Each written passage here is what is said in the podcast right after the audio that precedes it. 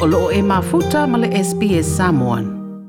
Fai mai le au ngāle lue fui mū e au nōma se tutongi, volunteers, nā tau te whaafatai alu so tau tupe wa tu nātu nei mō lātou o se taui o lātou ngā nuenga mai le whainga mālo le whitarale. O le ai tutongi mō tinei mu o siria ma le sifulu aso o iai le ngā nuenga i tūlanga o ngā onga ma la matia i soi i tu ngā vau ma vaenga sa sawane iafi. afi. O mui to ngā wau wā fiais te te lima tanu mai se tema i New South Wales, Victoria, Australia i saute, Queensland i ma Australia i sa sifo.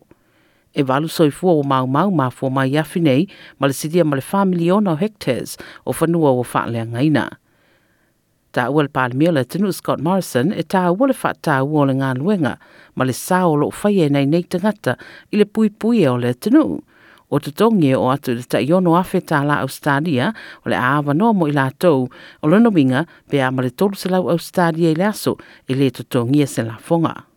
Well, this is a nationally uh, applicable approach, but I respect the premiers. I respect the fire commissioners in each and every state and territory, and I respect their judgment. And should they wish to enter in this arrangement, if they believe it's appropriate for their state and territory, then we will do so. But I'm not, I don't presume on those states and territories.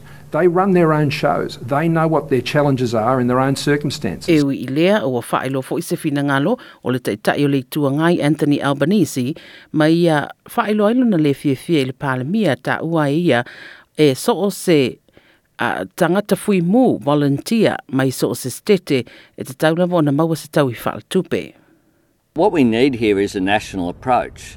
And I don't understand why it is that the Prime Minister has just negotiated with the New South Wales Premier rather than convening COAG and getting an approach across the nation.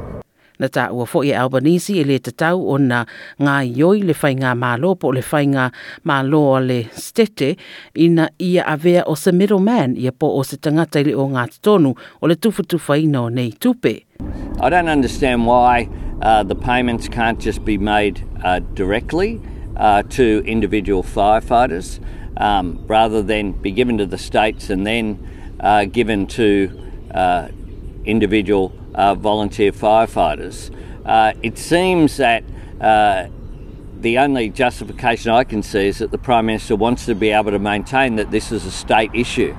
This is a national crisis.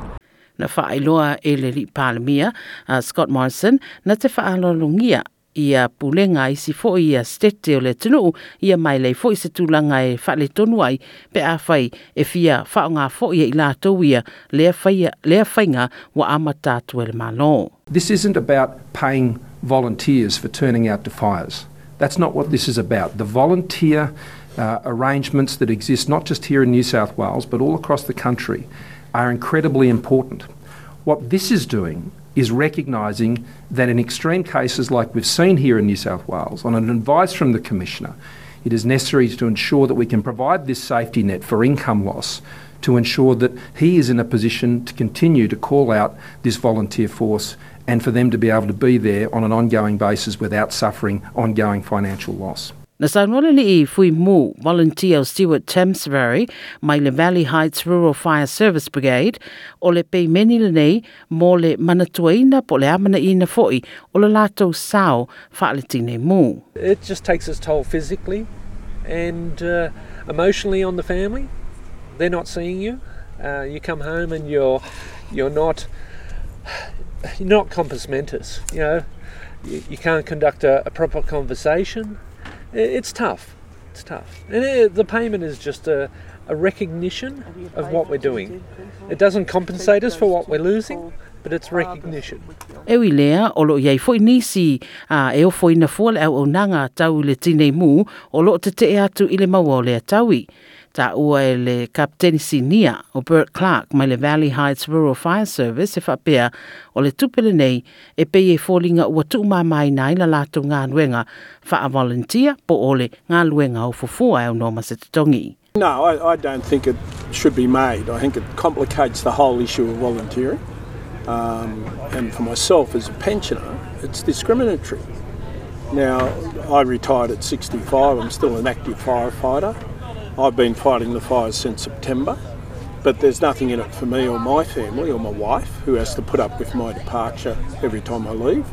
Um, and I think it takes away from the concept of volunteering. O te tongi la e pei o na tā ua o lo fuafua te tau o na whaia a o le i o atu i le whaai unga o Januari noa whelua sifolo.